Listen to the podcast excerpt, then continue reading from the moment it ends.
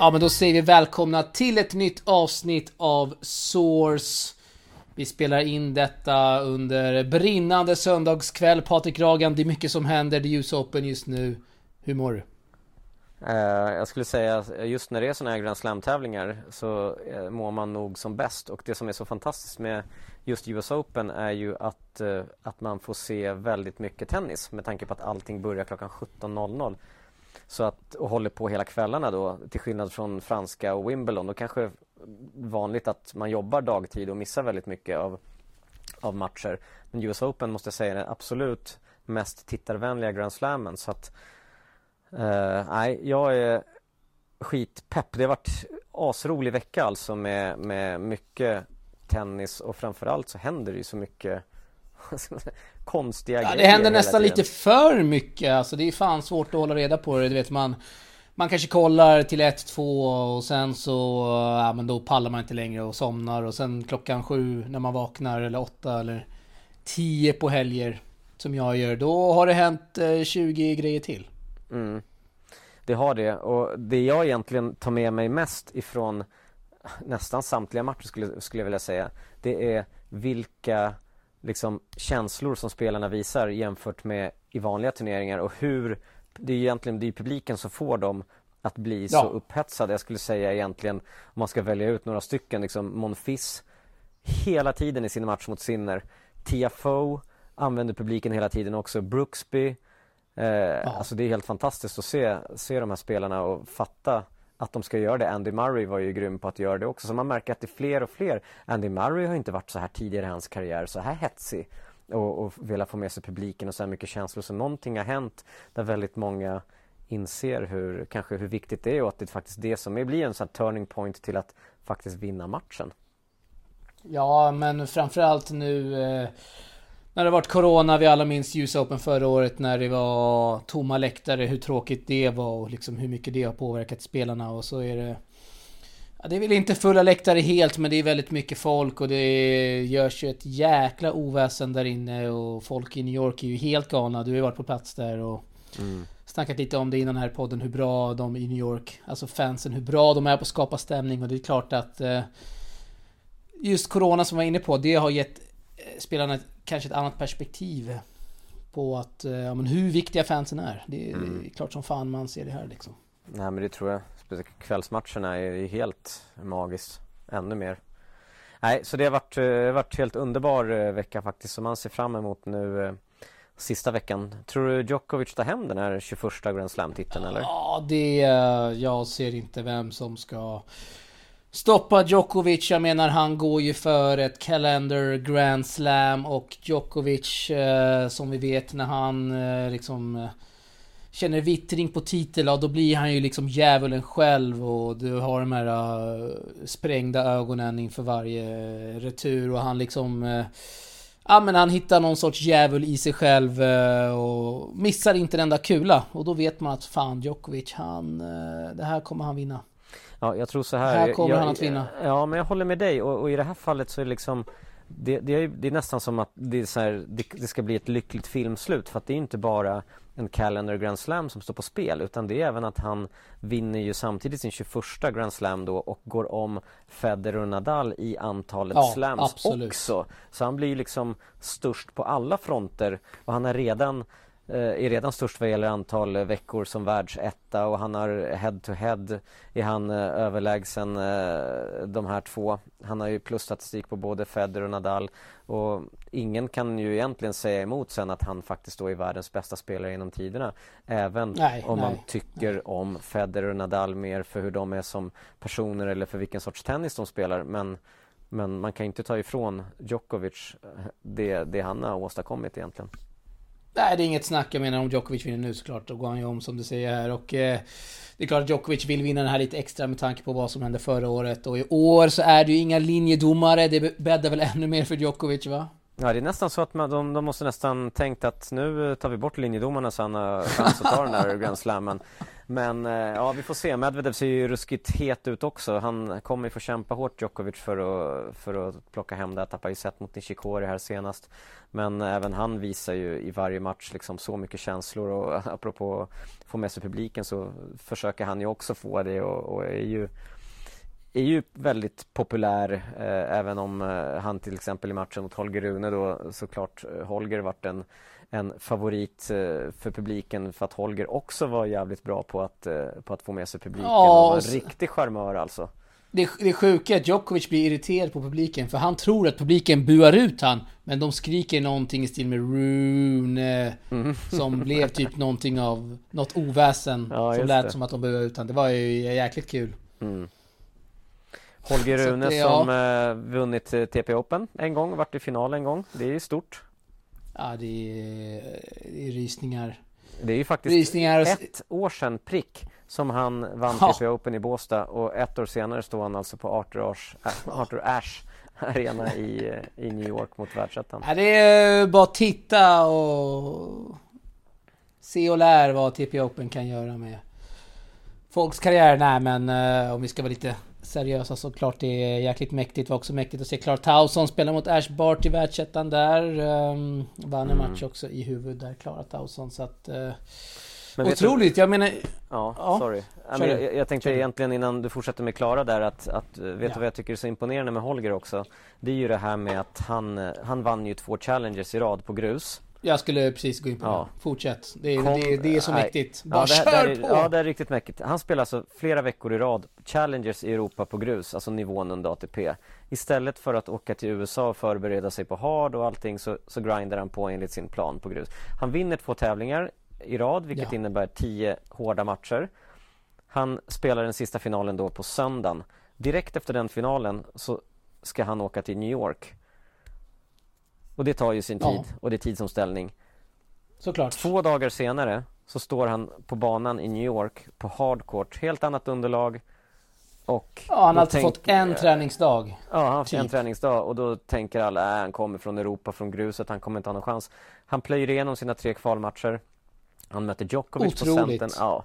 Och vet du vad han gör nu? Otroligt. Ja, han åker tillbaks och spelar Challengers på grus. Tänkte man så här, nu kommer Holger åka till Danmark och bara vila. Det här måste han ju smälta alla intryck och allt som han har varit med om. Nej, det han är en sån med. jäkla maskin. Ja, han spelar alltså Challengers på grus denna vecka igen och bara fortsätter att grinda och, och det, jag vet, du har varit inne på det Alex, du kan egentligen ta över här med att, det här med sve- Jag svenskarna. gliring, ja. ja, men precis att, att eh, man skulle vilja se svenskar också vara ute och grinda så här tufft. Jag skulle säga egentligen att, att den som är den tuffaste grindaren där ute, det är väl Dragos, eh, kör ju vecka ut och vecka in. Ja, Eh, även det om... är väl Dragos och Mackan, eh, förutom Ymers då. Ja, men jag skulle säga att, att Mackan, Mackan, eh, Filip och Jonathan är ju ute också eh, Ja, man Absolut. säga, inte l- riktigt kanske varje vecka men ändå my- mycket för eh, eh, ändå. Eh, Alltså helt Ja, de är eh, där och snuddar, helt klart.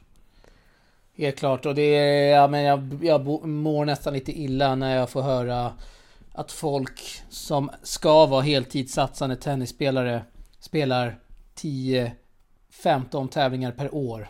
Ja, då det, har du ju många veckor kvar på året. Vad gör du då? Mm.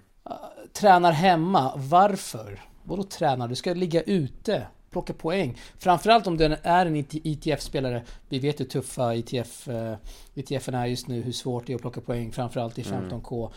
Precis. Och liksom ha då logiken att man eh, ska spela färre tävlingar. Det borde ju vara tvärtom. Du ska spela mer än Holger Rune.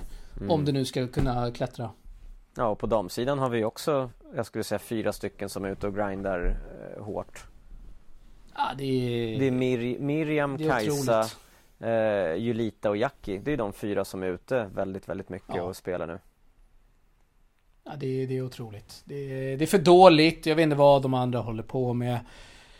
Eh, jag har i alla fall inte hört att de andra spelarna eh, Fan vet jag, pluggar heltid, jobbar heltid förutom eh, eh, Förutom att grinda. Jo, det finns en jag vet som pluggar och jobbar heltid. För att då finansiera och kunna tävla utomlands. Det är Fanny Östlund. Men Jag vet inte vad resten håller på med liksom. Vad är det för glidarliv?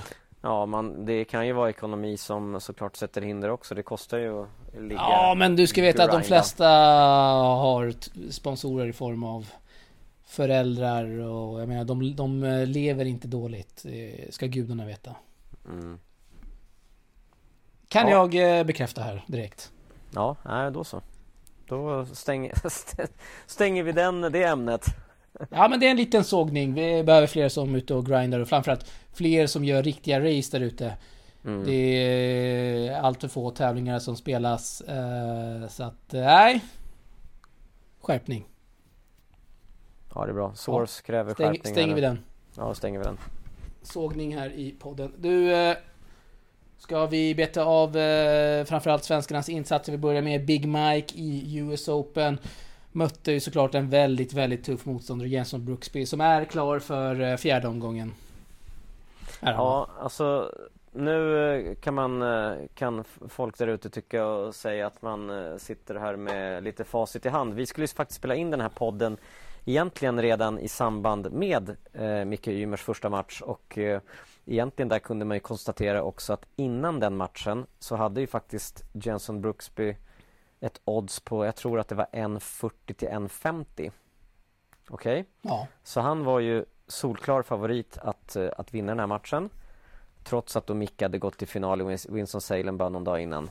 Och eh, svensk media, det är de få då som, som de skickar ut någon notis, det är inte någon som täcker tennis egentligen. Tycker man ju att det här var en eh, stor skräll att Micke förlorade mot Jenson Brooksby. Hur kan han göra det? Ett wildcard från USA, det är ju värsta drömlottningen. ja, men jag såg lite rubriker på att det var ett fiasko och så vidare. Nej, det är ju precis tvärtom. Det, han förlorar ju mot en snubbe som, som i princip, nej, han har ju varit hur bra som helst hela sommaren. Jenson Brooksby Ja. också, har också spelat ATP, eh, ATP-final under han var i Newport i final där och spelat riktigt bra under hardcore-tävlingar. Så det var en svår lottning, Brooksby på sin hemmaplan. Han är, han är på väg upp. Så att, eh, jag menar, han var favorit. Micke hade kunnat skrälla och vinna men han fick inte till det riktigt. Så att det var...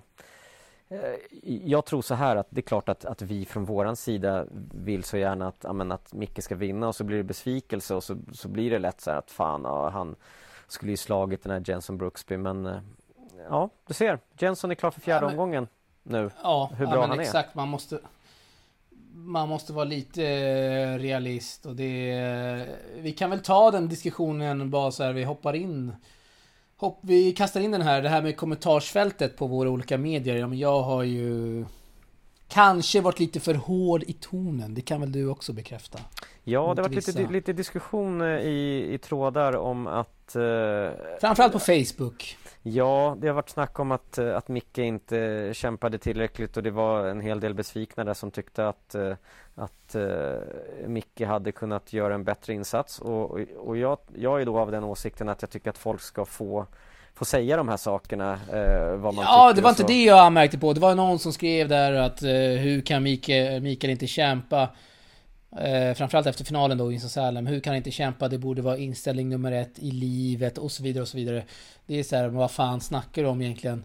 Eh, och jag gick väl eh, lite bananas där i något, någon kommentar. Men får man inte och tycka lite så väl för hård. Det är klart man får tycka så. Det, det är liksom, folk Det är outar klart man ju får tycka vad man vill. Men det jag säger bara att det, det kan komma in sådana sjuka kommentarer. Och egentligen så ska jag, alltså jag ska inte, jag ska inte svara liksom.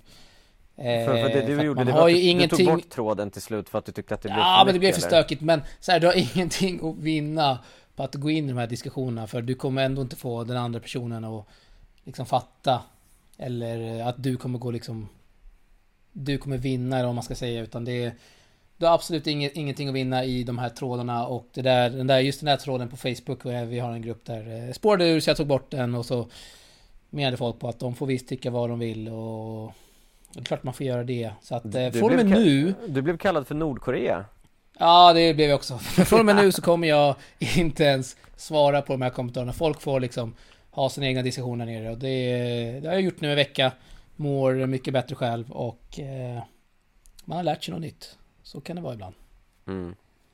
Nej men det är intressant. Det, det är helt klart eh, svårt att veta ibland. Vill bara tillägga också att jag tycker att nivån, framförallt i Facebook, eh, höjer. Den är för låg.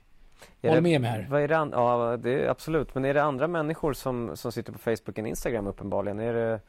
Ja men det är lite mer äldre, äldre folk på Facebook. På Facebook. Ja. Eh, jag skulle säga att det är knappt någon under 20 som har eh, Facebook idag utan det är Instagram som gäller där. Och jag tycker att diskussionerna på Instagram är lite mer nyanserade och det är inte alltid svart eller vitt som folk vill få det att tro att den här sporten är utan det är mycket mer komplext än så. Mm. Mm. Ska gudarna veta.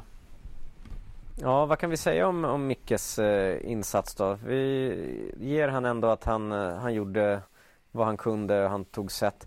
Framförallt så här, han, han låg under med 2-0 i set.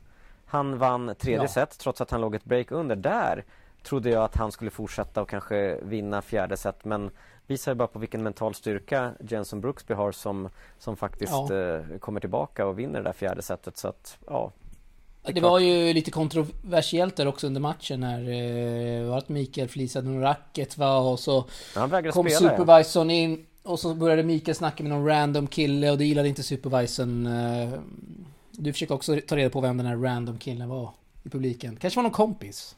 Mm.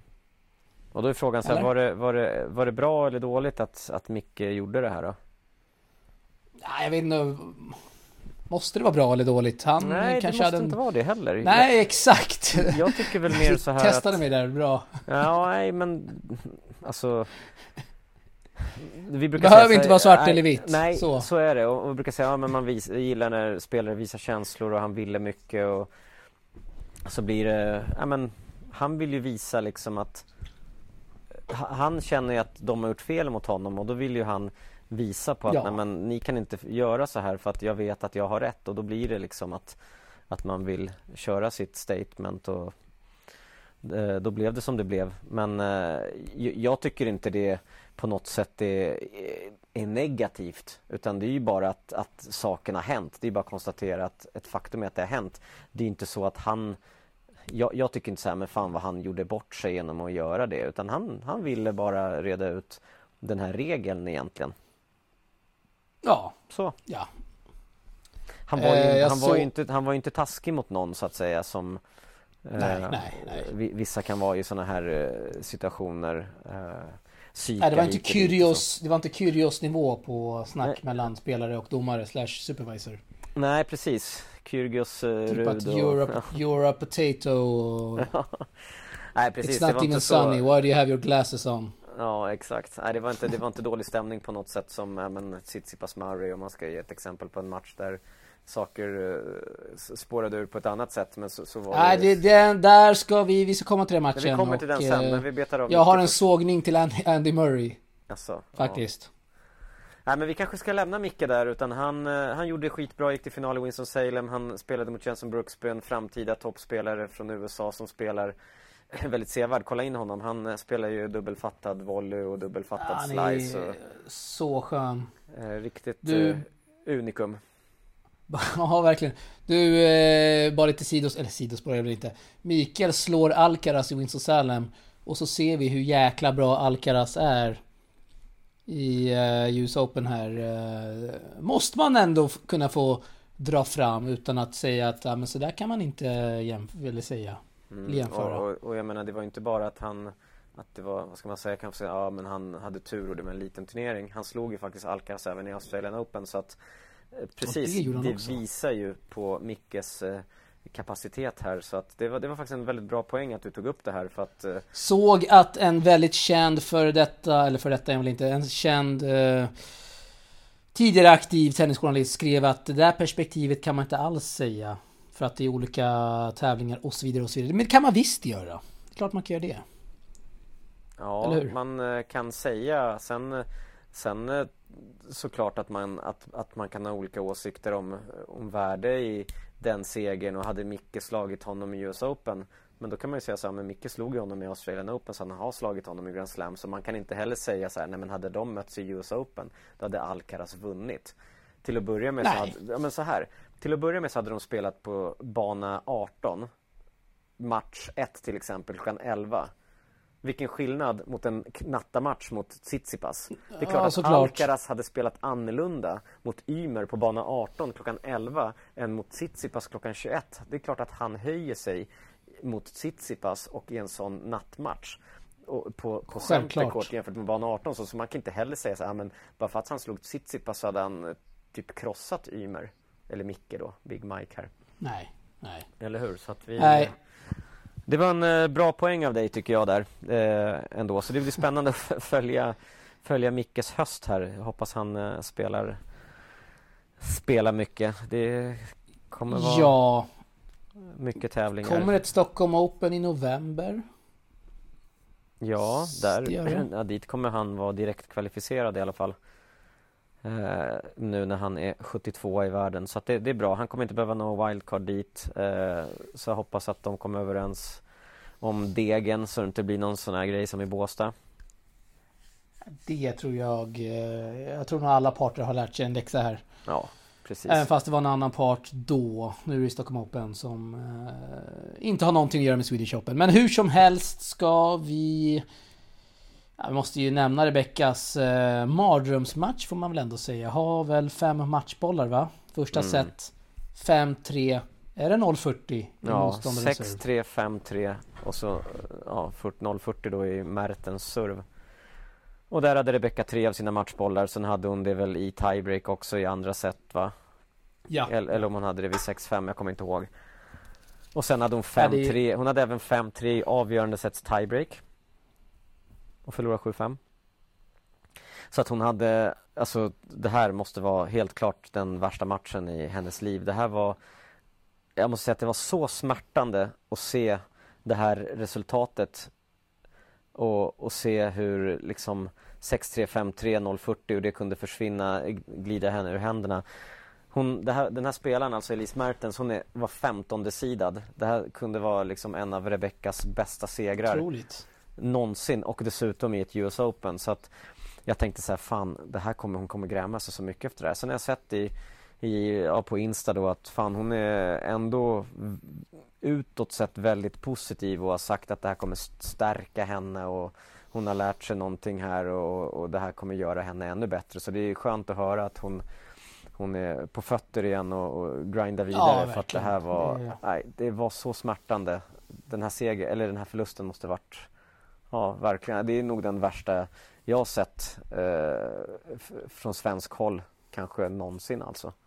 Ja, jag kan inte minnas någon heller nu när jag försöker tänka efter. Så det är klart att det, det här måste svida såklart för Rebecca. Eh, bara för henne att ta, ta nya tag där. Eh, lite breaking news här Patrik Ragan. Botic van de Sandschulp har slagit ut Diego Schwartzman och, och är klar för kvartsfinal.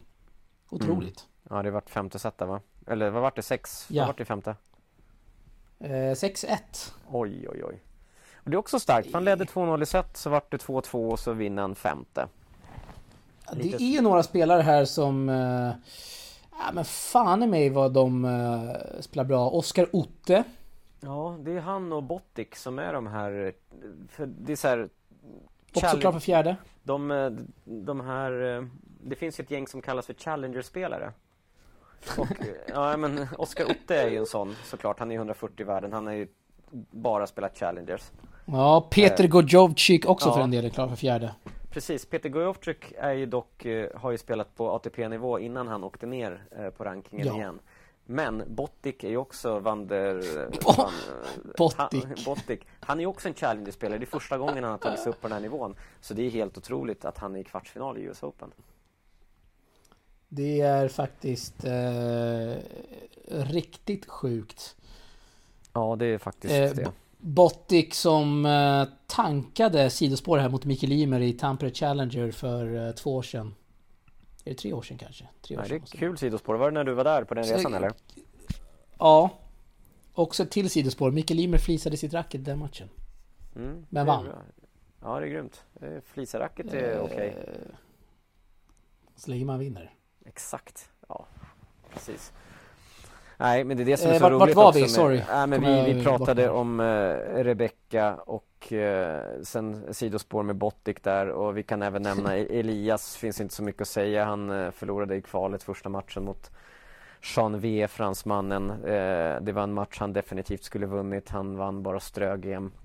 Det måste varit något, eh, något fel på honom alltså för att eh, en eh, frisk Elias eh, hade väl kanske gjort en bättre match än Bauta Strögren mot eh, Jean V. Speciellt, Jean som, v, ja, speciellt som att han har slagit den här fransmannen vid ett par tillfällen tidigare och haft en väldigt, väldigt bra uppbyggnad inför det här US Open. Dels har ju du följt honom och hans träningar i Stockholm men även de tävlingar han spelade på Nordamerika innan han kom tillbaks till Stockholm. Så att Hoppas Elias kommer tillbaka. Han har spelat en Challenger-match sedan dess. Eh, förlorade mot en eh, junior som eh, ja, är rankad 1100 i världen, 16 år. Så att såklart en två... Vann väl franska va, den här junioren? Ja, han gjorde ju det. Men Elias ska ändå vinna de här matcherna så att han, ja, han får ta och uh, kämpa vidare och, och, och uh, lägga de här två matcherna, glömma dem och fokusera på hur bra han faktiskt var under den här Nordamerikasäsongen när han var där och faktiskt spelade tre ATP-tävlingar. Ja, han pressade återigen, Jordan eh, Thompson och sådana här grejer. Det gjorde han. En uh, väldigt uh, omtalad match såklart. Vi alla minns väl den där studsen och tjafset med domaren. Men uh, Patrik, ska vi släppa svenskarna i US Open? nu glömmer vi också att André Göransson spelade tävlingen Spelade med Marcos Giron va? Precis, det gjorde André. han. Japp, Torskade mot... Jag eh, kommer faktiskt inte ihåg vem de förlorade mot men... de eh, torskade mot... Det, nu är det dålig radio här. Riktigt dålig radio. Ja, André som inte är inne i någon eh, direkt bra period heller. Han har förlorat sina Nej, torskade på Nielsen Pospisil, Fredrik Nielsen. Ja, de var alternater Också va? DC-kapten för Danmark, vad sa du? Mm, jag tror att de var alternater in tävlingen dessutom så de skulle ja, inte det ens, var det, för de, de skulle ju möta Bublik i Ja, de skulle inte ens varit med så då känns det ju... där för mitt namn. Känns ju ännu tuffare så. Men eh, jag tycker vi Svenskarna i US Open tycker jag vi lägger åt sidan nu och så kanske vi ska fokusera på annat kul som hänt under US Open som inte har eh, liksom haft med svenskar att göra. Allting ifrån eh, TFOs galna jag vet inte om du har sett, du, innan vi går in på ja, Tsitsipas Mario och sådär Såg sjuk. du TFOs firanden efter att han hade vunnit uh, sina set? Ja men han kopierade LeBron James Slängde av sig tröjan och gjorde den här LeBron James uh, ja, i, efter, Efter match ja Men ja. även efter sina setvinster så går han och jublar som att typ han har vunnit. Han lägger så mycket energi, lite som Monfils också faktiskt gör. De lägger väldigt Exakt. mycket energi på att lite, de jublar som att de har vunnit matchen. Alltså de tänder ju publiken något så enormt. Underbart ja, men han hade någon jäkla volleyvinnare och sen var han kvar med liksom den positioneringen i volleyn och sprang till bänken. Och ja, ja, ja. Fansen var helt galna och han bara tittade upp på fansen. Och det, det sköna är, är att de själva får ju så mycket energi av det så att det där är, det är underbart att se det där. Ja, det, det är fantastiskt. Kan vi, kan vi hoppas på att någon av bröderna Ymer gör samma sak i Stockholm Open? Jag är helt säker på att eh, folket i Kungliga hade gått bananas. Ja. Om Mikael Ymer hade gjort en sån sak och bara du vet, få med sig fansen och bara Absolut. Ah. Det, det jag tror bara att den här elektriska stämningen inte infinner sig där på samma sätt. Men samtidigt, har man match en torsdagkväll eller en fredagkväll, då kan det faktiskt ja, vara lite stökigt och lite lite högre ljudnivå där det faktiskt kan bjudas till och, och köra lite sådana här grejer. Eh, så det kan vi hoppas. Ja, det får vi eh, annars ta tag i tycker jag. Eh, ja, men vi går in på det kanske alla väntat på. Eh, Toilet Pass eller vad fan han heter. Andy Murray. Greken. To ja. Toalettbreaket där. Eh, först och främst. Jag vet inte det här så därför jag frågar dig. Vad säger regeln? Hur många minuter får man ta? när man tar ett toabreak? Kan du den? Nej, det kan jag faktiskt Det finns inte, väl ingen regel? Men jag trodde att, nej, uppenbarligen det finns, finns det ingen regel. Men det är medical timeout i fem minuter. Därför tänker jag att, att gå på toa eller att gå ut från arenan kan ju, vara, kan ju inte vara längre än fem minuter då, vilket det uppenbarligen är. För han var borta i 16 va? Han var borta riktigt länge. Nej, åtta väl? 16 kan det inte varit. Jag tror nej, det är åtta. Var det åtta? Okej, okay. ja. 16 då Nej, det... Jag säger åtta. Ja, ja. Säg det då. Ja, vi säger det. Jag, jag har ingen aning. Nej, 16 låter långt. 16 ifrån? Ja, ja, skit i det. Ja, Murray var ju inte så glad på det där. När han textade med farsan på toaletten. Nej. Vilket man inte vet. Nej. Men det, det surras lite om att det, det, man skojar i alla fall lite grann om det att han textar med sin farsa. Ja, och eh, ja, men det är åtta minuter, det kan jag bekräfta. Och eh, jag såg att Erik Jonsson, eh, med, kollega till Tennisportalen, eh, riktig legendar, skrev det på Twitter att att Murray borde, storyn här borde vara att Murray får Storyn här borde vara att Murray får kritik för att han eh, liksom eh, styr upp en hatstorm mot en väldigt ung spelare. Istället för att Tsitsipas ska liksom få all kritik. Eh, från liksom hela världen. Och jag kan hålla med Erik där. Det, jag tycker att eh, Murray har ett ansvar där. Eh, mot en väldigt ung spelare som Tsitsipas är. Och han borde fatta att eh, går jag ut och säger den här grejen då kommer det bli en jäkla hatstorm mot greken. Vilket det också blev. Så jag tycker Mm. Murray också ska ha lite ris i det här fallet. Kan det vara en anledning till att eh, han förlorade mot Alcaraz? Att han faktiskt hade publiken emot sig? Nej, det tror nog Det kanske är sånt som va? väger till hans nackdel när det blir sådär kanske. tight, tight ja, i det är i och för sig. Det är, Alcaraz blir ju om inte annat extra tänd. Så även om ja, Tsitsipas han inte exakt. har några nackdelar så har motståndaren kanske fördelar som han inte hade haft annars. Då kan det ju vara. Ja, men så det är klart att han på, han är ingen robot Tsitsipas. Det är klart att han påverkas av det. Jag, jag såg att Patrick Muratoglu eh, ty, tycker det är en stor bluff och att Ja men att han gillar sig själv för mycket och så vidare och de här tipsen på Instagram är ju ofta useless. Men vad fan, jag tyckte han hade en poäng, eh, Muratoglu, när han sa när han gick ut på Instagram och eh, tog Tsitsipas till, till sitt försvar sa också att Tsitsipas hade mobilen kvar på hotellrummet och det Murray säger inte stämmer alls eh, och att det Tsitsipas gjorde Gjorde för att eh, han var helt eh, dyngvåt och eh, han kan ju inte spela kan ju inte spela helt dränkt av svett liksom när det är så fuktigt i New York. Ja, bra poäng där Moratoglu. Många bra poänger i Mm. sitt surr. Jag vet inte hur mycket du följer Moratoglu på Insta. Ingenting faktiskt. Eller inte alls. Kanske ska göra det då om det är så bra. Ingenting. Nej. Du har ju sett vad vi har lagt upp i Ja, den berömda WhatsApp-tråden om Moratoglu. ja, ja. Tennisportalen följer jag på Instagram. Det, det, det, ska alla göra. Alla, alla som lyssnar. Ja, jag vet, jag vet. som är lite anonym. Äh, men vad fan, eh, vad säger vi om, eh, eller vad kom du fram till här? Ah, vi kommer fram att vi går vidare tror jag. Kommer inte fram till så mycket mer än att saker och ting har hänt. Jag tycker det är lite roligt när det händer såna här grejer men Andy Murray Ja, gick hårt åt. Han sa att han tappade respekten för Tsitsipas. Eh, ja, jag, eh, jag hade ju hoppats, eh, jag gillar ju Murray, jag hoppas att han kommer fortsätta att den här matchen ändå gav honom energi att fortsätta spela tennis. Jag tror att han är, han är bra för tennisen och han är, är lite på och med de här känslorna Ja, han ja, visar. verkligen. lite skön. Jag tycker att han tidigare när han var som bäst var han faktiskt väldigt, väldigt tråkig många gånger. Nu har han blivit lite sådär jävligt eh, skön. Känslomässig. Håller Ja. med. Du... Eh, har vi något mer? Från US Open, kanske något sidospår, kanske något obskyrt. Eh, Vad säger du? ja, något obskyrt kan vi, vi kan ta veckans mest obskyra kan vi ta mitt i allt det här Ja, nu. men vi kastar in den här. Ja, det kastar vi in. Vad ska vi ta då? Är det Holger kanske? Du, det måste vara den här uh, obskyra... Jag vet inte om det är en tvättpåse. Jag använder det i alla fall. Alla använder den som tvättpåse. Jag använder den i alla fall. Som tvättpåse här hemma. Eh, Ikea-påsen som Holger Rune går ut med i sin match mot Djokovic kan väl ingen ha missat. Ni vet den här Eh, blåa prasselpåsen. Ja. Den Frakta heter den va? Ja, så heter Frakta. den. Frakta heter den. Nej, så den hade Holger när han gick ut på centerkorten och det, det är veckans mest obskyra. Men i ett, jag skulle, eller hur? I positiv bemärkelse. Ja, det är absolut inte negativ bemärkelse här. Utan det här är, nej Holger, han har tänkt igenom det här väl. Eh, Det är bra varumärkesbyggande.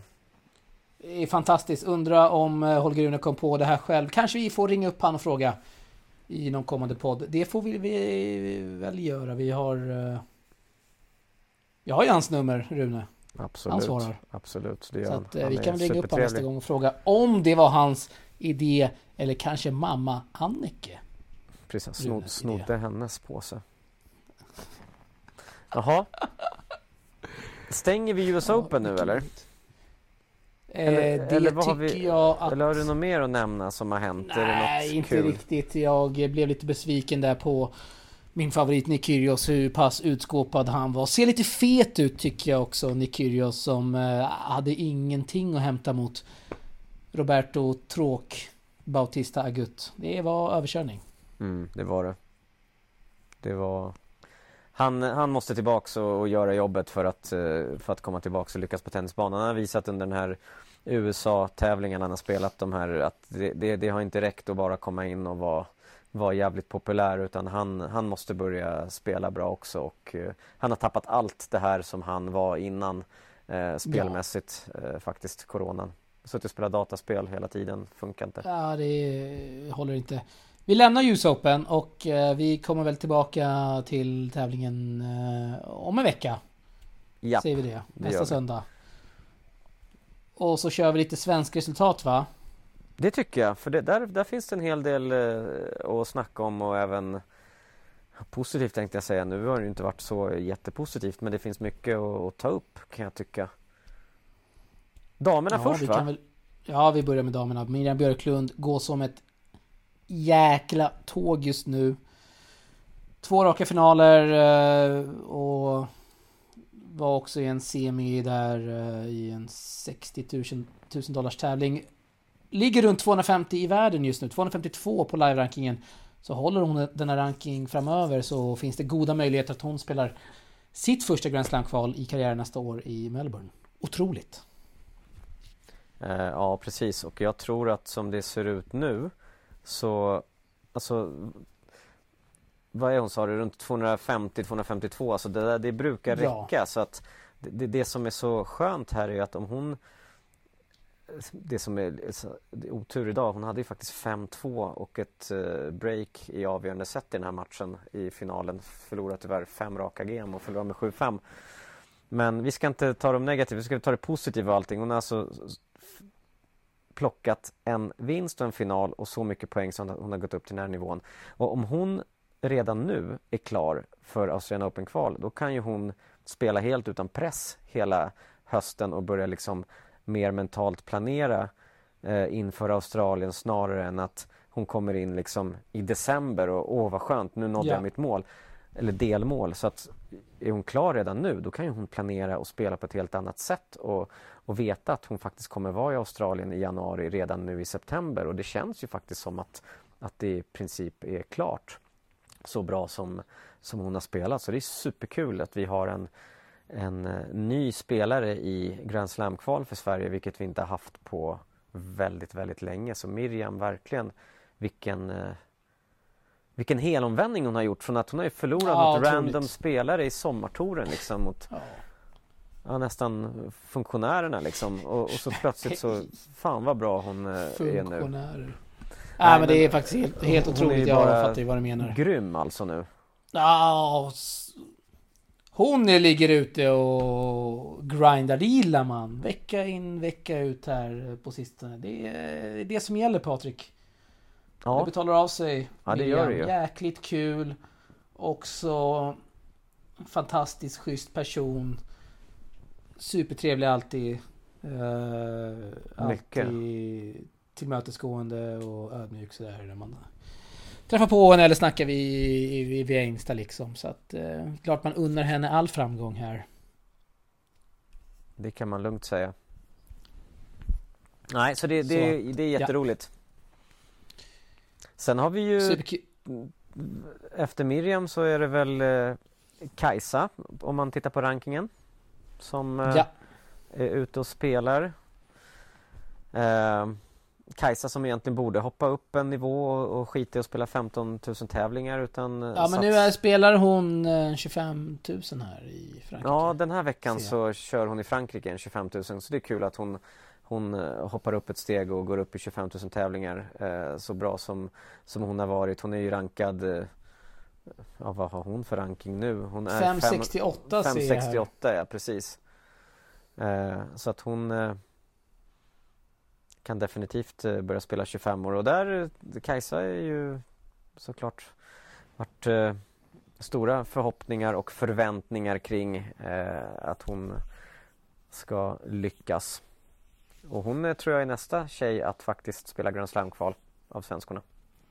Det skulle jag absolut säga också. Uh, Kajsa Sen... Henneman, vem har vi bakom Kajsa? Det är Miriam skulle... Östlund. Nej förlåt, hon ligger före Kajsa. Du, du tänker Fanny Östlund? Vad sa jag? Sa jag Miriam Östlund? Du sa Miriam Östlund, men ja, ja. det är för att jag kollar på ranking här på Resetina och så har vi Vi har Miriam 270 och så har vi 507 Fanny Östlund då. Mm. Uh... Och sen även en, en stor tumme upp till, till Jackie och Julita som är ute och grindar 25 år och ska ja. faktiskt åka iväg till Sydafrika tre veckor nu.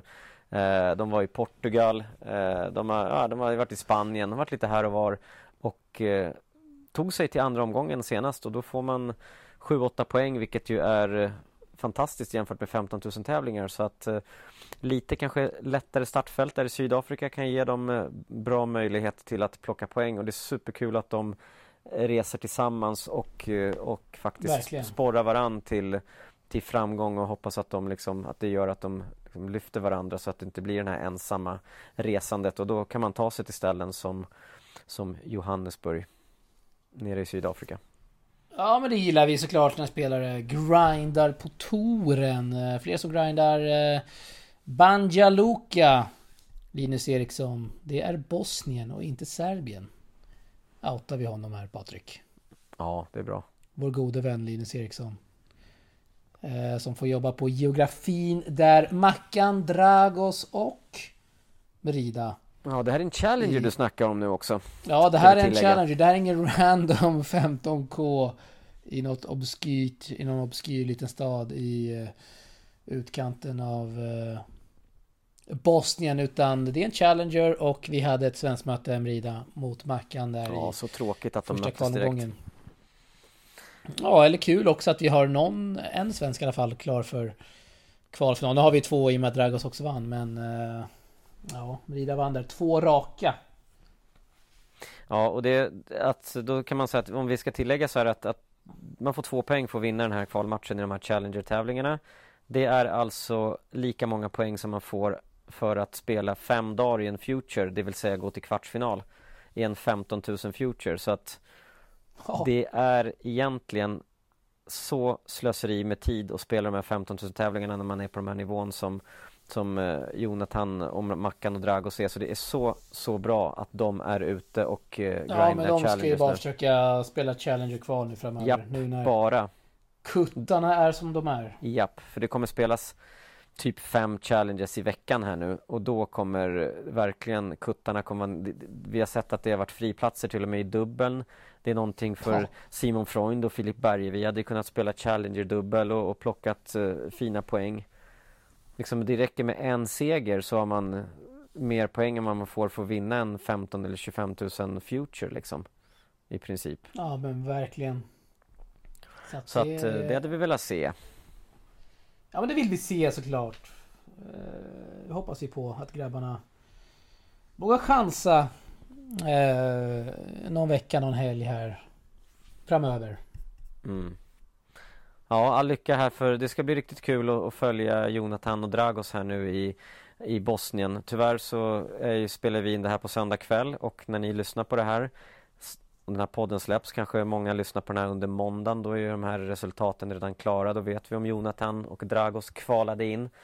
Eh, kvalar man inte in så kan man alltid hoppas på att bli lucky loser som Dragos blev i eh, nere i Saint-Tropez eh, den här veckan. Han blev lucky loser, vann ja, sin första match vann. mot Go fick åtta sköna poäng och eh, ja. Du, Go Sueda, det är ingen Corpen leader det alltså. Han är Nej, fan han var topp 100, ja, absolut. Eh, mycket ovanligt att se Dragos spela på hardcourt. Eh, han är tillbaks på grus nu. Där han hör hemma.